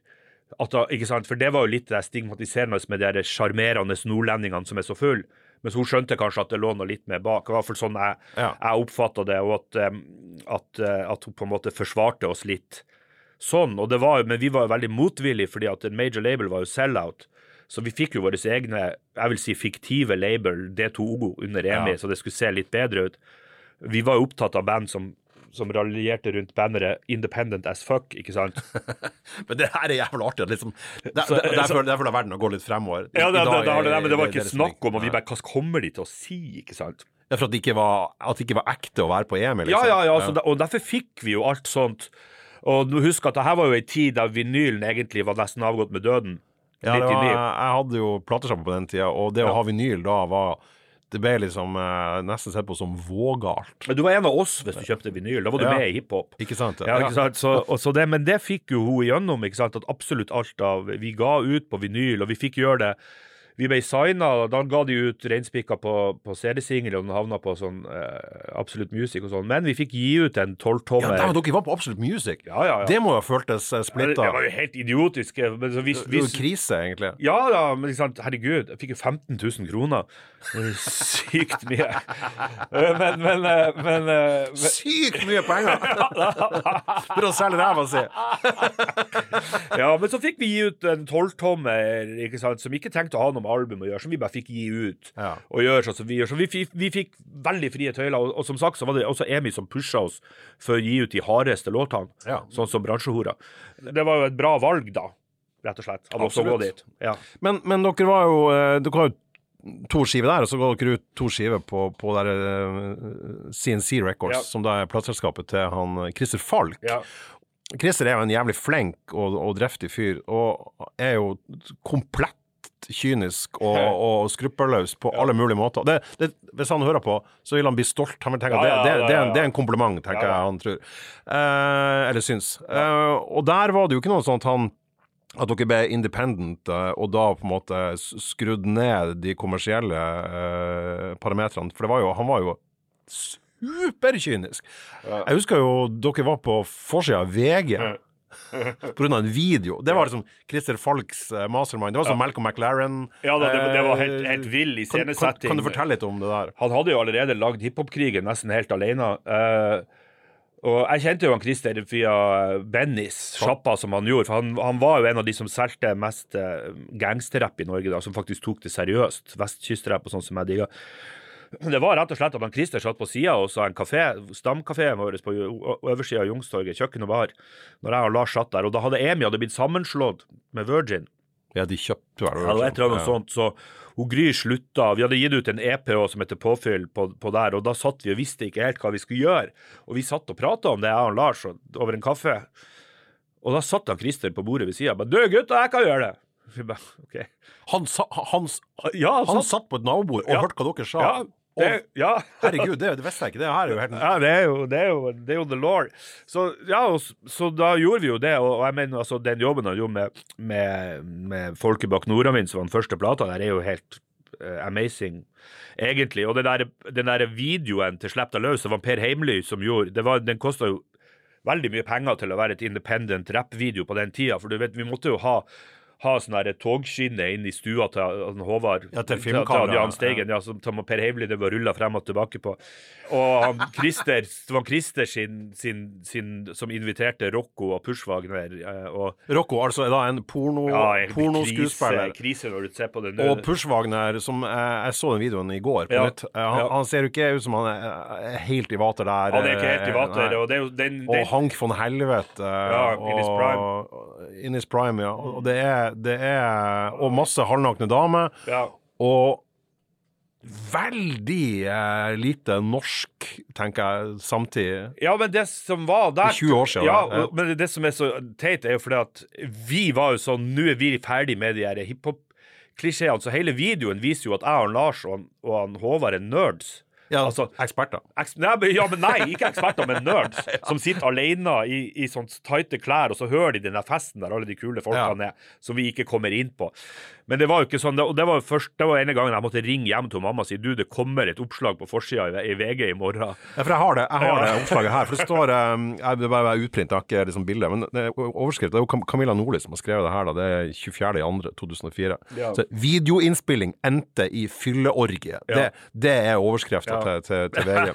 og du vet, for han Christer Falk så er jo tre stykker som tar seg en øl, en fylleorgie. Ja, og det som er så artig med han Christer Falk her, det, det han er jo intervjua av VG, og han, Ja. han, han um, det, han skaper jo egentlig mer myten om den festen enn Ja, hva ja. festen egentlig var. Der han Ja. sier det er det verste kaos jeg har sett. Da jeg forlot leiligheten ved midnatt, løp det nakne, fulle jenter rundt. Jeg fikk litt reperbanefeeling etter hvert. Det var mye som skjedde på rommene, for å si det sånn. Det er bare bullshit. Ja, selvfølgelig er det det. Og det, det som er jævlig artig her, det, det er jo det var ingen altså Det ene følelsen jeg har av reperbanen, det er sånne skjetne punkere som sitter der med sånn schæfere. Så det var det ikke der. Og det som er jævlig artig, er at han eh, han Christer sjøl, som Ja. jo er en eh, Han, er, han, han går vel nesten an å kalle en straight edge. Altså han, Nesten. ja, Han er jo altså, militant straight edge. altså, han, rører jo verken kaffe eller Nei, nei, nei. Han er, han er militant straight edge. Ja, og, og det husker vi, vi kom jo fra EMI da, ikke sant? og der, der platinakortet satt løst og drinker i baren, og alt der var helt normalt. Og vi måtte jo krangle i dagevis for å få kjøpt inn to kasser øl til den der festen. Jeg mener, Vi ber alle de kule rockerne alle de til å komme og skal late som de fester, og så mener han ja, men vi skal jo ikke kjøpe øl til de, det er jo helt ute. Så jeg bare, Hvordan kan du ikke kjøpe øl til de? Så der måtte vi krangle gjennom. Men, men det var jo, men det funka jo, og ikke sant? Og, det, er så, det er så bra med han Christer, som på en måte er det- der, Her var det liksom at målet helliggjorde middelet. da. ja, ja, ja. OK, må, må vi spille litt på fyll Ja. for å få suksess? Så, så, så, og han Tenk deg hvor skitten han følte ja, seg! ikke sant? Det var akkurat det var det, det var- det det jeg mente. Og må ha vondt, vondt inni seg. Fy faen. Ja, ja. Men herregud, artig Ja. tid det der. Eh, Jeg tenker at um, for å få litt sånn bakteppe her, så må vi jo innom ja. de, de obligatoriske eh, spørsmålene mine. og Det, det ene er jo eh, hvilket album du vil ta med på Øde øy. Du har Ja. nevnt flere. Ja. Den første skiva du har plukka, den, den, det er den du er den tredje som har den i, den, i denne uh, podkastserien. Det er jo da debutskiva til Velvet Underground. Ja. Kan du bare si sånn 1967 kom den ut. Ja. En av de mest legendariske undergrunnsplatene Ja. ever. Fortell. Ja, det, det har jo handla om Jeg burde jo sikkert ha hatt Susi en Nevanchis der, men det, det handler vel om det med det man kan kalle Uh, uh, uh, eh, Hva man skal kalle det? Alternativ rock begynner der. Det mørke i rocken begynner der. Eh, det er der det kommer fra. Og så i seinere tid så har jeg jo eh, også vært veldig opptatt av tekster og, og, og studert det mye. Og, og det er jo klart at Lou Reed sine tekster er jo helt, helt fantastisk. Og så er det, um, er det det at eh, det er, det er ikke noe rock'n'roll der. Og, og det rock'n'roll er det verste jeg vet. Og, det, og rock'n'roll er Rock'n'roll er jævla drit! Hvordan kan du si Du har jo snakka masse om rock'n'roll Nei, ikke rock'n'roll! Hva, hva er, hva er rock'n'roll, da? Fuck off. Og det er det som er. Dæven, du er teit! Hva faen er det du mener med Nei, det? men det er det jeg mener. Jeg har samme problemer med liksom Bowie og alle de her. Jeg elsker Bowie, men så har han de jævla rock'n'roll-låtene. Og, det- og jeg får lyst til å skyte meg i hodet, for det, de gir meg sånn 50-talls rock'n'roll. Det syns jeg er krise. Men jeg elsker Cramps, da. Men Jeg vet ikke hvorfor, men det er fordi at jeg, jeg føler nesten det er en parodi på rock'n'roll, og da blir det kult. Ja, For det er, jo, det er jo veldig veldig paradoksalt. For at uh, The Cramps, som er et av mine store favorittband, er jo et band det- som i, i veldig stor grad er tufta på, på rockabilly. Altså fra, Ja, med- fra, fra, fra ja, slutten, av, av 50-tallet. Ja, og det, og det er jeg egentlig ikke noe, noe særlig for, men, men, men, men, men det, det er liksom Jeg liker ikke rock'n'roll, men jeg elsker The Cramps. for en nydelig Ja, livet er full av ja, for en nydelig kontradiksjon. Ja, men, Ja. ja, nei. Men, men de, de skrur det og fucker med det, så da blir det kult. Men det Velvet Underground gjorde du, Det er mange som sier at heavy metal blir skapt når man tok bluesen ut av rocken. Ikke sant? Ja, makes og, sense. Og, Ja. sant? og får inn mer de klassiske, og det er dommedager der. Og det er kult. Men, men, men, men sånn alternative skitten Det blir tatt også når du tok liksom Jeg føler at bluesen er tatt litt ut av Velvet Underground òg. Fordi at Ja. du, har, du har de der, du har de der de strykerarrangementene til Kale, og det, og det der Ja, jeg syns jo Og- og- skjønner du hva jeg mener? Det- Jeg skjønner veldig godt hva du mener. Jeg, jeg syns jo også Jeg syns jo Velvet Underground med og uten John Cale er to helt forskjellige band. altså. Ja, ja. John Cale hadde fått vært i det jævla bandet, Ja. så hadde det vært så jævla kult, for, for Lou Reed gikk seg totalt vill i sånn rock'n'roll. Og det, og det er det som er så forferdelig trist, fordi at det den plata der er, er jo kjempestor poesi. Og så laga med, med, med noen baktepper som er helt som, er for, Ja, som, den, som, en rappfyr er helt magisk. Og strykerne til John ja, Cale, ikke sant. som, ja, eh, ja, og strykerne. Og, og ikke minst da eh, Nico, som jo er er erkesusi for meg, ikke sant? Disharmoniske dame. Eh, Iskalde, iskald, men- tyske Ja, og det er bare, det er bare, det, det er bare helt sykt eh, eh, deilig plate som man aldri kan bli lei. Eh, den andre du har tatt, eh, er et album som, eh, som jeg har ikke spesielt god eh, innsikt i. Eh, ikke at det sier noe om noen ting, men det er jo da eh, en plate med bandet Rush Ja. fra 1976. Kan du fortelle litt eh, om plata? Hvorfor du har valgt den? Den er lang. Er den så jævla lang? Ja, den ja, jo det, Det, det, er- det er et enkeltalbum, er det ikke Nei, det det? er et dobbeltalbum. Er det dobbel? Ja, ja. Ja. 2112 er jo liksom erke, erke-dobbeltalbumet. Ok, ja. Ja, nei um... Altså lang, dermed bra å ha med seg på Øde øy? Ja, Ja, det, ja, det, det er jo det, Du snakker jo om på Øde øy, så er det jo plata med det man i dag kaller replay value. Eh, og, og Rush er jo det. Og eh, broren min og de hørte jo på tidlig Rush veldig mye. Men det ble et sånn antiband, ikke sant? For de var, det var nerdeband. Sånn ordentlig. Straight, Ekspertband? ekspertband, streitingband og, og sånn derre pingleband og alt det her, ikke sant. Men, men jeg oppdaga det sånn litt med, på nytt igjen i, i voksen alder. og Det er en helt fantastisk diskografi de har fram til midten av 80-tallet, med bare sånn uredd, pretensiøs rock som samtidig er liksom primal på et eller annet vis. Uh, og som bare har lag på lag på lag. Og, og hvert, hvert album fra Rush, eh, fra debuten og til, til Det blir litt vanskelig for meg på midten av 80-tallet, men hver plate er en del av ei reise. Og jeg er jævlig glad i band eh, som sier ikke sant, David Bowie, som på en måte forandrer seg hele tida. Det er bestandig utvikling i det. Det er noe nytt hele tida, og det er kompromissløst som et helvete. Ja, og det er, det er nok bra melodier på bare 2112 til å, til å vare flere år på ei øde tenker jeg. Men tenk, tenker du da på uh, Når du sier at du, du liker at de forandrer seg Det er Bowie kanskje det beste eksempelet. Altså, han, er jo, uh, Ja. han er jo den som på en måte har flest ansikter. Både, her var det både image og musikk, Ja. og alt endrer seg veldig. Um, hvis Tungtvann hadde bare hadde fortsatt, og aldri blitt oppløst, Ja. uh, og fortsatt gitt ut plate til 2023, Ja. har det ville vært jævlig annerledes enn det var til å begynne med? da? Det er det som er vanskelig å si. Altså, All respekt til Motorhead og Ramones og det her, men det er liksom, det er ikke like interessant. Det er på en måte en, det er på en, annen- en annen greie, men, men det som var greia, grunnen til at Tungtvann på en måte også oppløste det, var at vi følte på en måte at vi hadde ut, oppfylt vår eh, Misjon. misjon. Og, og hvis du hører på Folket bak Nordavind og, og Siste Skanse i forhold til de første, så har vi allerede strukket det jævla langt. Men det er ikke så veldig stor uh, utvikling uh, på de fire platene sammenlignet med de fire første uh, Ramones, eller fire første Motörhead. Det er jo endringer der òg, men det er jo ikke voldsomme, det er ikke voldsomme endringer i de fire skivene til Tungtvann heller. det er jo reggae-låter og dancehall-låter og sørstatsrap-låter og eh, Altså, hvis du ikke gjør forskjell på å slippe deg løs og uvunne gjester, så det er jo to helt forskjellige verdener. Så jeg vil si det er to tungtvann. Det ene er Nord og Ned og Mørketid, og det andre er de to andre platene. Det, Altså, det er en annen verden. Altså. Så du tenker på som Tungtvann 1 og 2? Altså, eh, altså Ja, så en- defini- en- en- definitivt. 1 og 2-0? uh, Ja, definitivt. Fordi vi brukte de første platene på å mestre det som er New York-stilen av, av hiphop. Og så etter det så åpna vi øynene, og han Lars ble jævlig gira på vestkystrapp og sørstatsrapp. Og vi hørte mye på reggae, og vi begynte å ta med musikere og begynte å henge med eh, liksom Farad Fishing og eh, ikke sant, litt sånne Trom, ting. Tromsø Målselv-band? Ja, litt, ja. altså litt sånn, vi åpna opp, og var, vi var på Karlsøya, og ikke sant, så, så de to platene er mye mer musikalsk og, og mye mer sånn hvittfavnende. Ja, og blå, blåsere. ikke? Ja, ikke sant, og, og sånne ting. Så det, så det, vil, jeg, det vil jeg si. Og så, og så er det jo at jeg har jo alltid vært all over the place. Det som gjør at Tungtvann klarte å holde det klassisk så lenge, var at han Lars hadde en evne til å holde igjen meg. Ja, og på en måte gjorde det underveis. Og gjorde meg, for. Mm. han, Lars er den mest jorda personen du kan tenke deg. Jeg skulle bare, jeg skulle drømme om å være han Poppa Lars, for det ser så lett ut. Alt er bare sånn. Ja, dere er jo jævlig Vi forskjellige. er helt sykt forskjellige. Ja, og, og Lars i, i dag ikke sant, også veldig anerkjent som, som produsent, Ja, og, og dritflink fyr som eh, folk eh, fra både inn- og utland får til å gjøre tingene sine. Det tredje albumet du har plukka ut, syns jeg eh, kanskje det mest sånn interessante å høre litt mer om. For Ja. det, det er et band som jeg, eh, da jeg var ung, trodde het Celtic Frost, for at jeg, det- det- jeg visste om det Celtic eh, fotballaget Ja. de Skottland, men de heter altså da Å ja, jeg, visste om Boston Celtics. Ja, ikke Altså sant? Altså basketlaget. Ja, ikke sant. Samme greie. Ja. Men eh, Celtic Frost, da? Ja, det, det, jeg sier Celtic Frost, men det er lov å si Celtic. Er det lov å si Celtic Frost? Ja, begge deler er lov.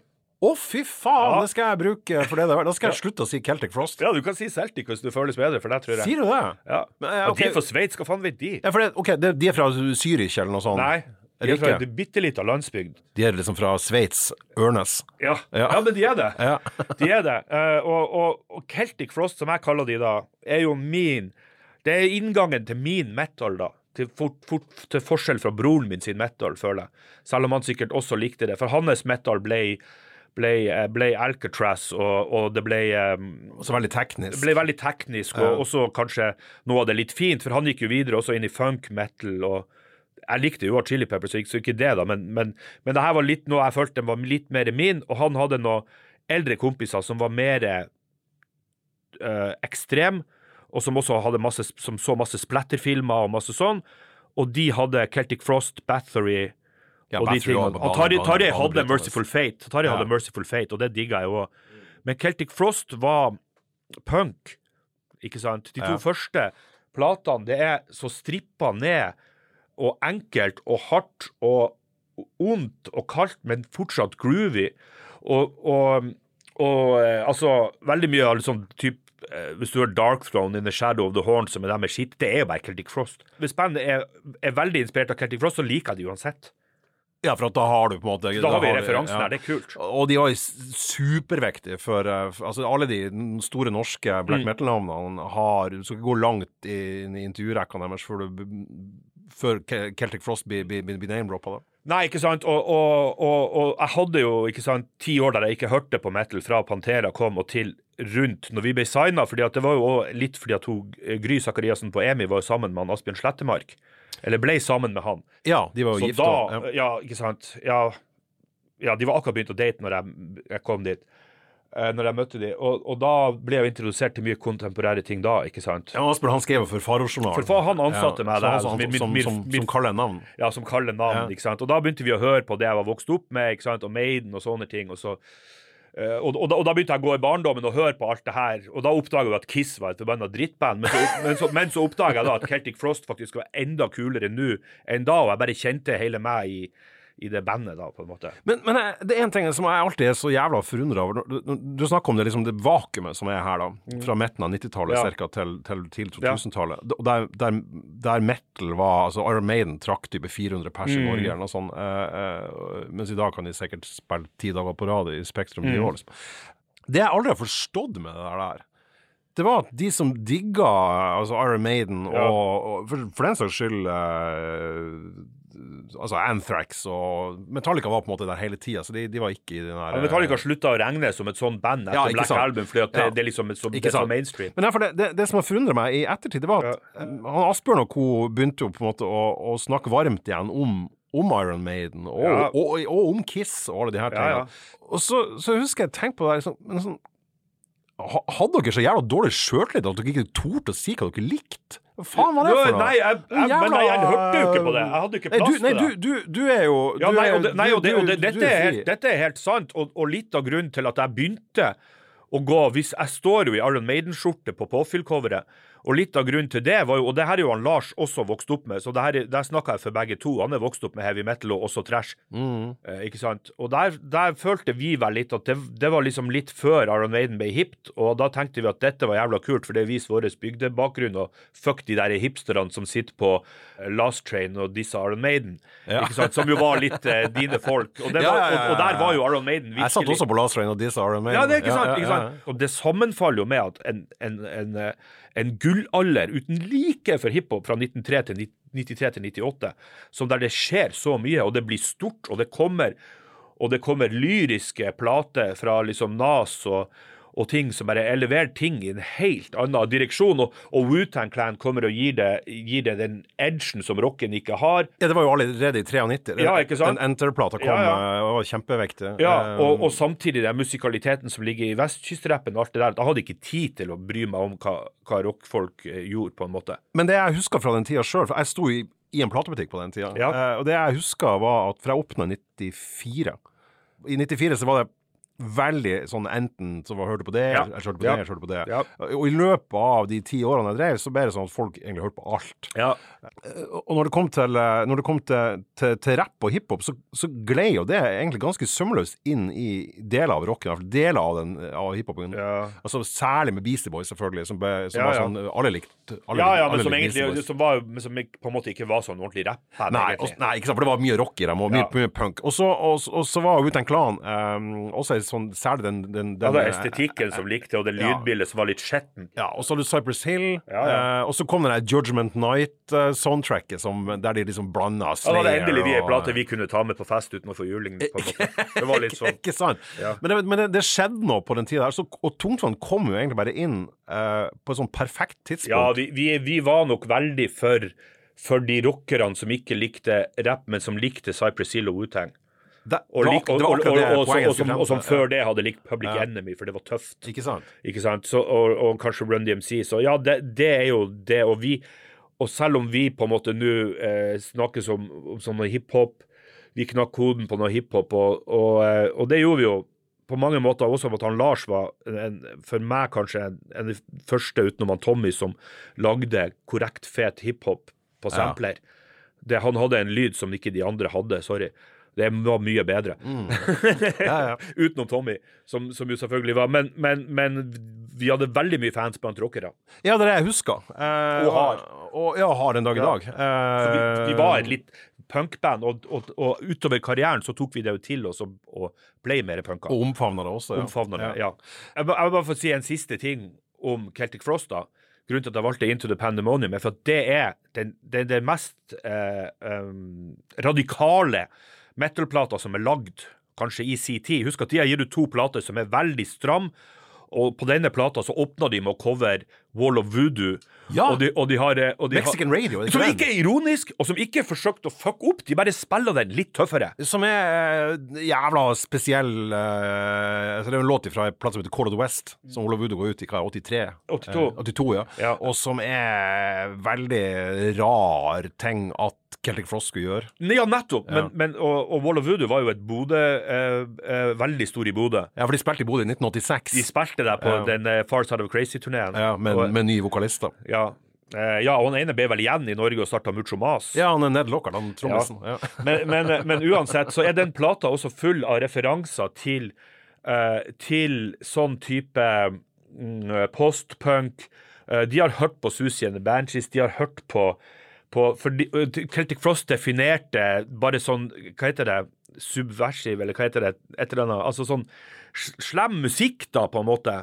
Som ikke bare Ikke det derre biker-rock'n'roll-greia, men de tok inn Einstürchen og Neubauten og sånne ting, og de tok inn uh, New Wave, som var veldig slemt, og alle de tingene inn i en sånn herre eh, ei egen plate som på, når, og, og de hadde til og med en låt som, hørte, som var hiphop-inspirert, men av den slemme hiphopen med sånn tung, tunge trommeprogrammeringer.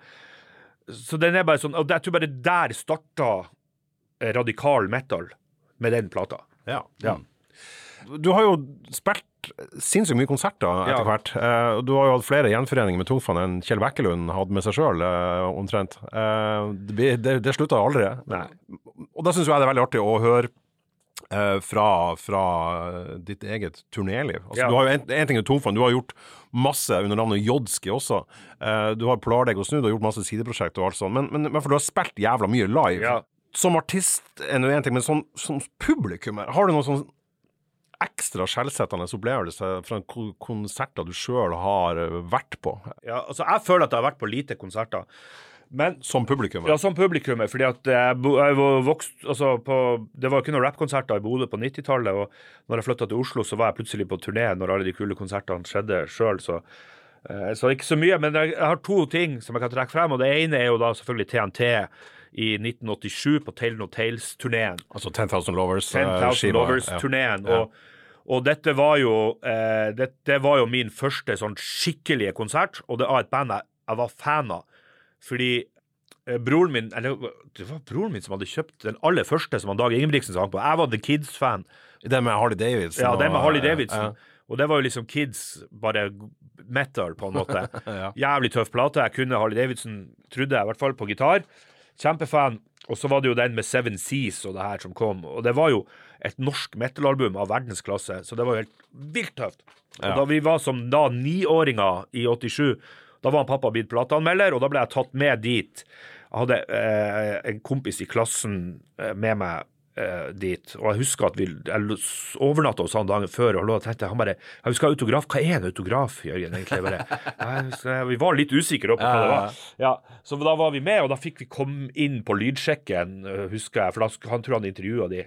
Ja, faren din, Ja, hilsa liksom på de. Og, så, og, det var, og da var jo, selv i Bodø, som jo som vi har sagt ikke er en metal-by, så var det her stort. Det var Sinus i Sjøgata, kø rundt kvartalet. Ja, men de var jo dritsvære. Altså, de var jo på nummer to på VG-lista, Ja, ja, ja, de var- jo, de var jo drit, dritsvære. E- Enormt. Og, og masse folk, og fulle folk i køen. Uh, og ja, sånn litt sånn truende stemning, nesten. Og inne der, og, og pappa fikk geleida meg Eller fikk en, en Bodø-punker, eller hva man skal kalle det, til å passe på med han Knusle. Ja. Eh, som er broren til han de kalte hardkåre på den tida, som nå er han Jan Martin Jensen i Ja, eh, Jan Martin, i han Inferno. eh, Radar Booking og, og Inferno. Ja, Hard, han. hardkåre het han på 80-tallet. Flink, Eh, fin type. Ja, kjempeflink. Eh, så da jeg fikk liksom sitte rett foran gitarmonitoren til vi sto rett foran gitarmonitoren til Ronny Letekrø. og Han lå på gulvet og spilla, og kom, husk, han kom fram og rufsa meg i håret. Ikke sant? Touch of magic. Ja, touch Ja. of magic. Og du ser det på bildet i avisa, og så ser du liksom jeg sånn og sånn, Ronny der. Og, eh, eh, så det var, jo, det var jo for meg helt sykt eh, eh, rå opplevelse. Selvfølgelig. Ja. Du nevnte før meg en konsert på Jamaica. ja. Det hørtes, det hørtes ut som uh, veldig lite peace and love. Uh, Ja, det, ja, altså ja. Peace and love og Jamaica er jo en ganske stor misforståelse. Men det, det som er bra med den peace and love-greia på Jamaica, er jo det at uh, hvis alle står rundt og skyter hverandre rundt deg, og du står og synger peace and love, da er du ganske kul.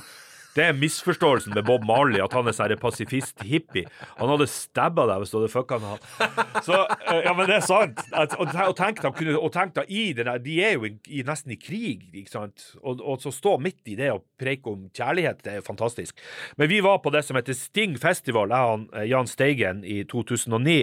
Sting Festival er jo eh, andre juledag. Det er mm, da alle de hardcore gangster dancehall-artistene møtes på en svær utendørskonsert. Og ofte for å vise hvem som er best, så det er ofte noe battling, eller clashes, som det heter der. Og det er en svær festival med 10 000-20 000 stykker. Og dancehall for meg er jo rapp bare enda hardere, for de kommer fra hardere kår. Og, og en sport på mange måter. Du må være ekstremt god å synge, og freestyle, og du må være ekstremt god å eh, rytme og alt. Og da, Men vi fikk jo beskjed på hotellet Altså, Jan Steigen hadde søkt om penger for studietur, så vi hadde fått støtte. Vi hadde med en fyr som filma. Uansett så Og vi hadde en eh, livvakt. Det var ikke en livvakt, det var en fyr på altså, En som passa på dere? En fyr på din størrelse. Det var ikke Ja. et monster, men som var derifra. Ja. Som tok oss med, og som tok oss med i studioene vi skulle ut til, og alt. Og som tok oss med på, på Stingfestivalen. Uh, og da var det jo Det var jo et VIP-område, uh, som vi, siden vi var journalister, da. Men det VIP-området kunne du kjøpe deg inn på, så det var jo helt verdiløst sånt. ikke sant? Det var bare, Hadde du 500 kroner å bruke på billett, så kunne du komme. Ja. Og det VIP-området var jo da bak selve scenen, og så rundt i en sånn eh, vollgrav foran scenen. Og bak oss så var det et sånn fengsels... Eh, et gjerde på ti meter med piggtråd på toppen. Der var de store massene bak. Koselig. Kjempekoselig. Og, og, og her var det jo ikke noe peace and love, reggae, alt var jo dancehall. Og her er du også kjent for sant, det man kaller en eh, du, Har du sett folk som tar sånne eh, pistolfingre i været på konserter? Jeg har ikke sett det. Po, po, po, po, po, roper du, så er det en kul låt. I Jamaica så var jo tradisjonen at de gjorde det, men at de faktisk skjøt. Med ordentlige pistoler? Ja, ja, at de skjøt i lufta. Gjorde de det når dere var Og der? det var, nei, men vent litt. Og det var veldig vanlig på 80-tallet, men de fikk jo litt security. Men, men det var eh, Herregud, hvor skummelt. men, det, men det var på en måte roa litt ned da. Men, men vi var jo jævlig hvite og jævlig out of our reach her i det der VIP-området. Og det var, det var ti japanere der, for det er det alltid. For de er jo, det er gjelder jo sånn som de alle andre sjangre, at japanerne er jo Østen sine tyskere, ikke sant? De er, Ja, og de er mer, de er mer garasjerock enn ja, amerikansk ja, garasjerock ja. når de er det, liksom. Ja, ja, ja. Snakka brei patwa. Føltes jo ganske greit, men vi kom jo dit klokka tolv, ikke sant, på natta. For da, da kom vi jævla tidlig, fikk med oss masse av de supportbandene. Så bare snur deg, du ser Eye Octane gå på, som da egentlig var helt ukjent for oss, på en måte. Snudde oss, og så ser jeg bare sånn flammehav bakover, folk som står med spraybokser og, og blåser flammer opp. Ikke sant? Og, og, og det er jo folk som går på da Det var international segment med folk fra andre land. Og hvis du ikke liker dem, så begynner du å klappe etter ti sekunder sånn. Ikke sant? Du klapper de, ja. Og så for sånn, altså, det her er ikke bra. Det er ikke bra. Ja. Altså, de, de klapper på en sånn spesiell måte. Du, jeg vet ikke hvordan du beskriver det jeg gjør.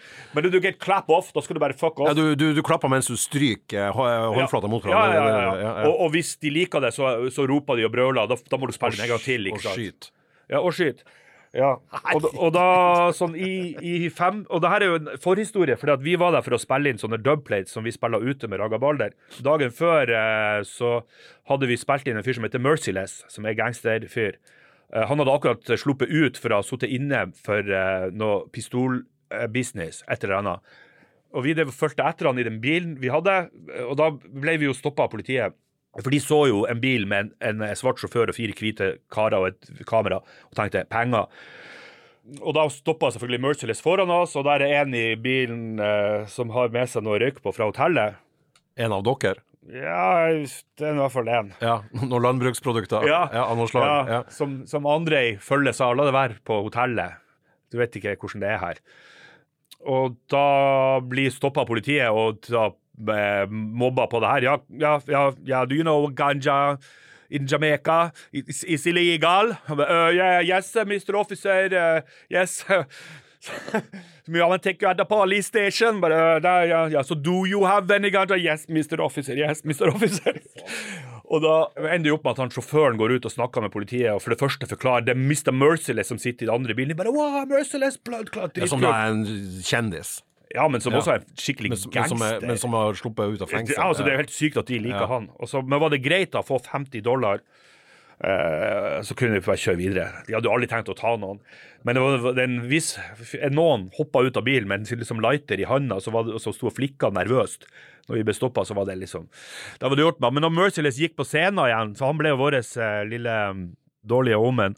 For når han gikk på scenen, og han synger jo stort sett om pistoler så ble jo folk så fette gira at, eh, at eh, folk begynte å skyte i lufta. Og Med ordentlige pistoler? Ja, det vil jeg tro. Fy faen! Det er jo så jævlig teit! Ja, men det Nei, come on. Og, og, det, du er på Jamaica. Og, Jeg skal aldri dit. nei, nei, det skal du ikke. Og, vi sto ikke så sykt langt foran det der gjerdet, eh, som var som et som gjerde utenfor Bodø kretsfengsel, med sånn piggtråd over. Og det gjerdet der, det klarer jo de folkene å trampe ned. Så jeg snur meg og ser bare det gjerdet kommer ned bak. Jeg bare fuck! Og da, og da samtidig så blir vi liksom morsa fram mot scenen. Så da holder jeg fast i han Håvard og de andre som var med, og bare wow, Vi kommer til å dø i en stampede der, og han fyren vår står der oppe og bare Ikke rør dere! Ikke rør dere! Hvis dere rører dere, så dør dere! Vi bare OK, stå i ro og hold fast i hverandre. Og folk driver og skyter! Ja, Helt fuckings idioti. Å, Og fy faen, for et mareritt. Ja, det var ganske mareritt, og da hadde jeg og, og da, Men det gikk jo bra. Pluss da. reggae. Og, så, og da, gikk, da hadde jeg allerede da så hadde jeg, hadde jeg skulle ha gått alene, for da blir jeg litt sånn full, og tenkt «Ja, OK, jeg går alene bak scenen og kjøper drinker.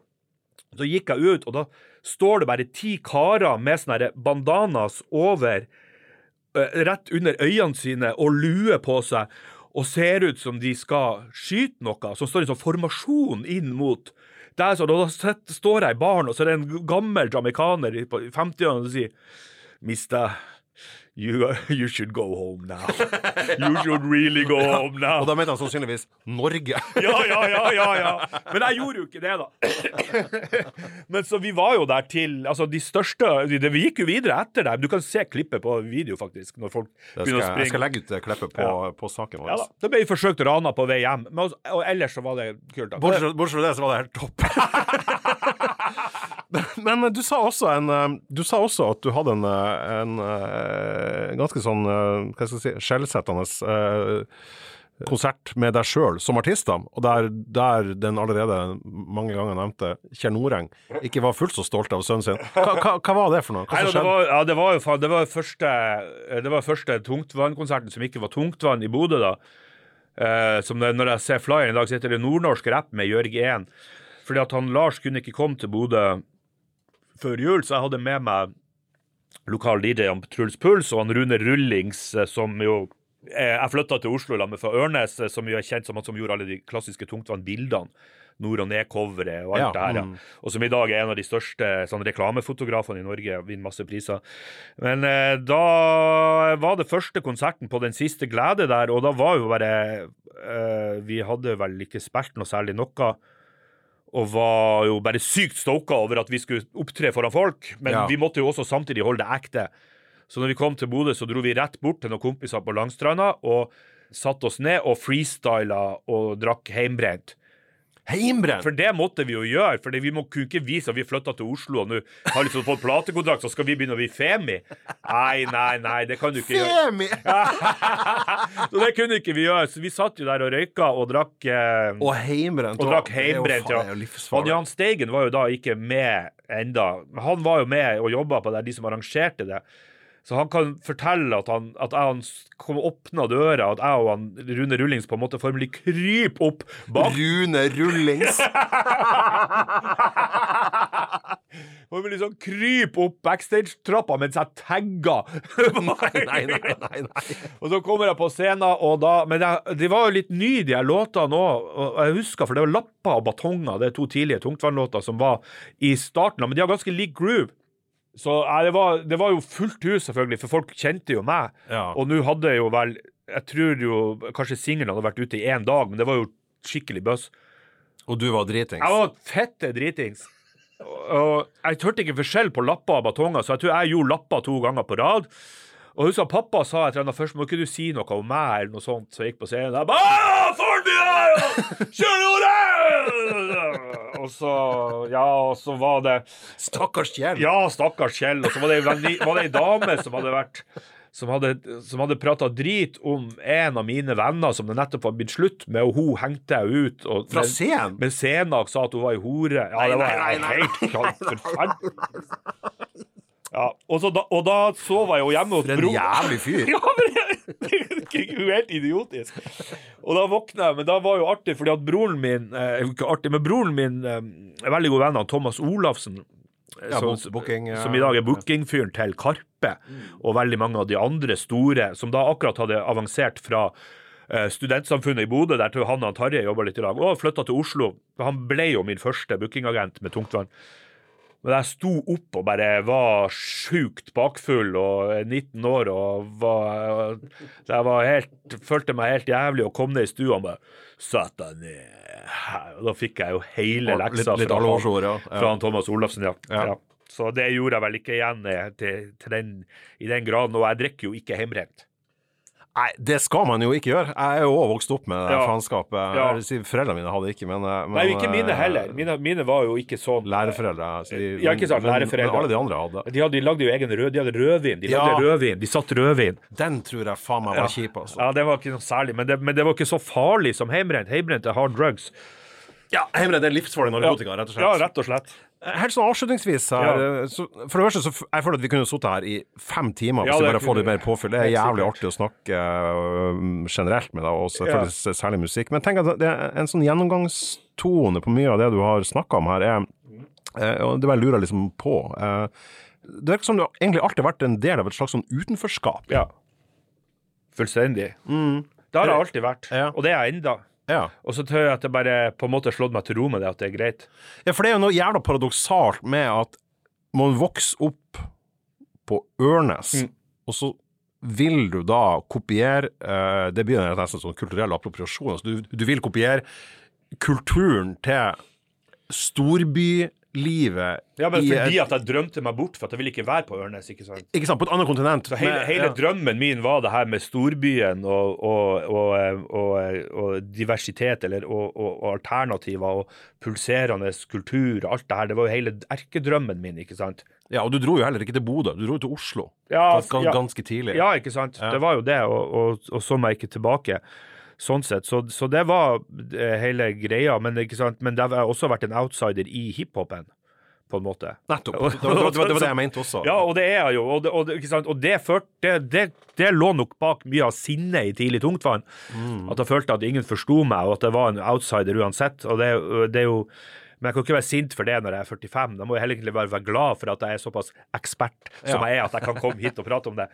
Vi skulle egentlig snakke om den boka di, som jeg også har Ja. lest, men, men, men, men um, det får bli en, annen gang. Ja. Jeg har jo intervjua deg om den boka òg, live. Men, men, men uh, du, jeg føler at Drengen er litt sånn slutta også på Ikke som et avsluttende kapittel, men Ja. du har jo nå da det her Polardegos, Ja. der du blander nettopp Ja. punkrock og rapp. Ja. Eh, så du har på en måte de, de to de to beina dine som står i hver sin leir, Ja, ja. har på en måte møttes da i Polardegos. Ja, det- Går det an å si det? Ja, de har det, og, og det er jo også Idet folk begynte å forstå meg, så var jo det perfekt. For det er jo ingen som skjønner noe av før det er Polardegos. Det er jo ultimate outsider-bandet, og det, det trives jeg godt med. Jeg syns det er helt fantastisk at du faktisk har eh, sampla av alle ting i verden et band jeg trodde jeg og Kristoffer Schou hadde hørt om, nemlig Los Psychos. Et peruansk Jeg garasjerockband fra midten av 60-tallet. Ja, men han Salvador er jo halvt pe- peruansk og halvt chilensk. Ah, så det er der Los Haicos Ja, det, ja. det er en låt som heter Demolition, Ja, som dere har sampla på, på på A-posten. A-posten-låten. Ja, det, og det er jo det. Vi har jo gått uh, Verdens kuleste garasjerocklåt. Ja. eh. Ja, og han Salvador er jo like nerd som meg. Så vi, Ekspert. Vi, han er ekspert. Sinnssyk ekspert. Så vi, når vi begynte å dykke, dykke i Han har ikke noe punkbakgrunn, men når vi, jeg begynte å virkelig dykke i norsk punk for å finne sampling, så gjorde vi det samme med peruansk og chilensk punk. Men Chile, Chile var jo diktatur, ikke sant? så de hadde ikke så veldig mye Nei, men Peru på midten av 60-tallet. Det kom en dokumentar nå om bandet, Los Psychos. Ja, det, det har jeg sett. Og, og, og Peru på 80-tallet hadde jævla mye kul sånn gothete musikk. Ja. Du, eh, det har vært eh, dritartig å ha deg. Vi har snakka masse om gotheri. Eh, Ja, musikalsk og kulturelt. Eh, veldig hyggelig å ha deg som gjest, Jørgen. Og um, lykke til videre med alt det du Tusen holder takk. på med. Du skal skrive bok, den skal vi få høre mer om denne gang. Ja. Og du skal Kommer, sikkert... kommer flere album de neste årene. ja. For du er jo jævla produktiv. Ja, det er, bare, så, um, det er masse på vei. Lov at du fortsetter å gjøre det. Det gjør jeg.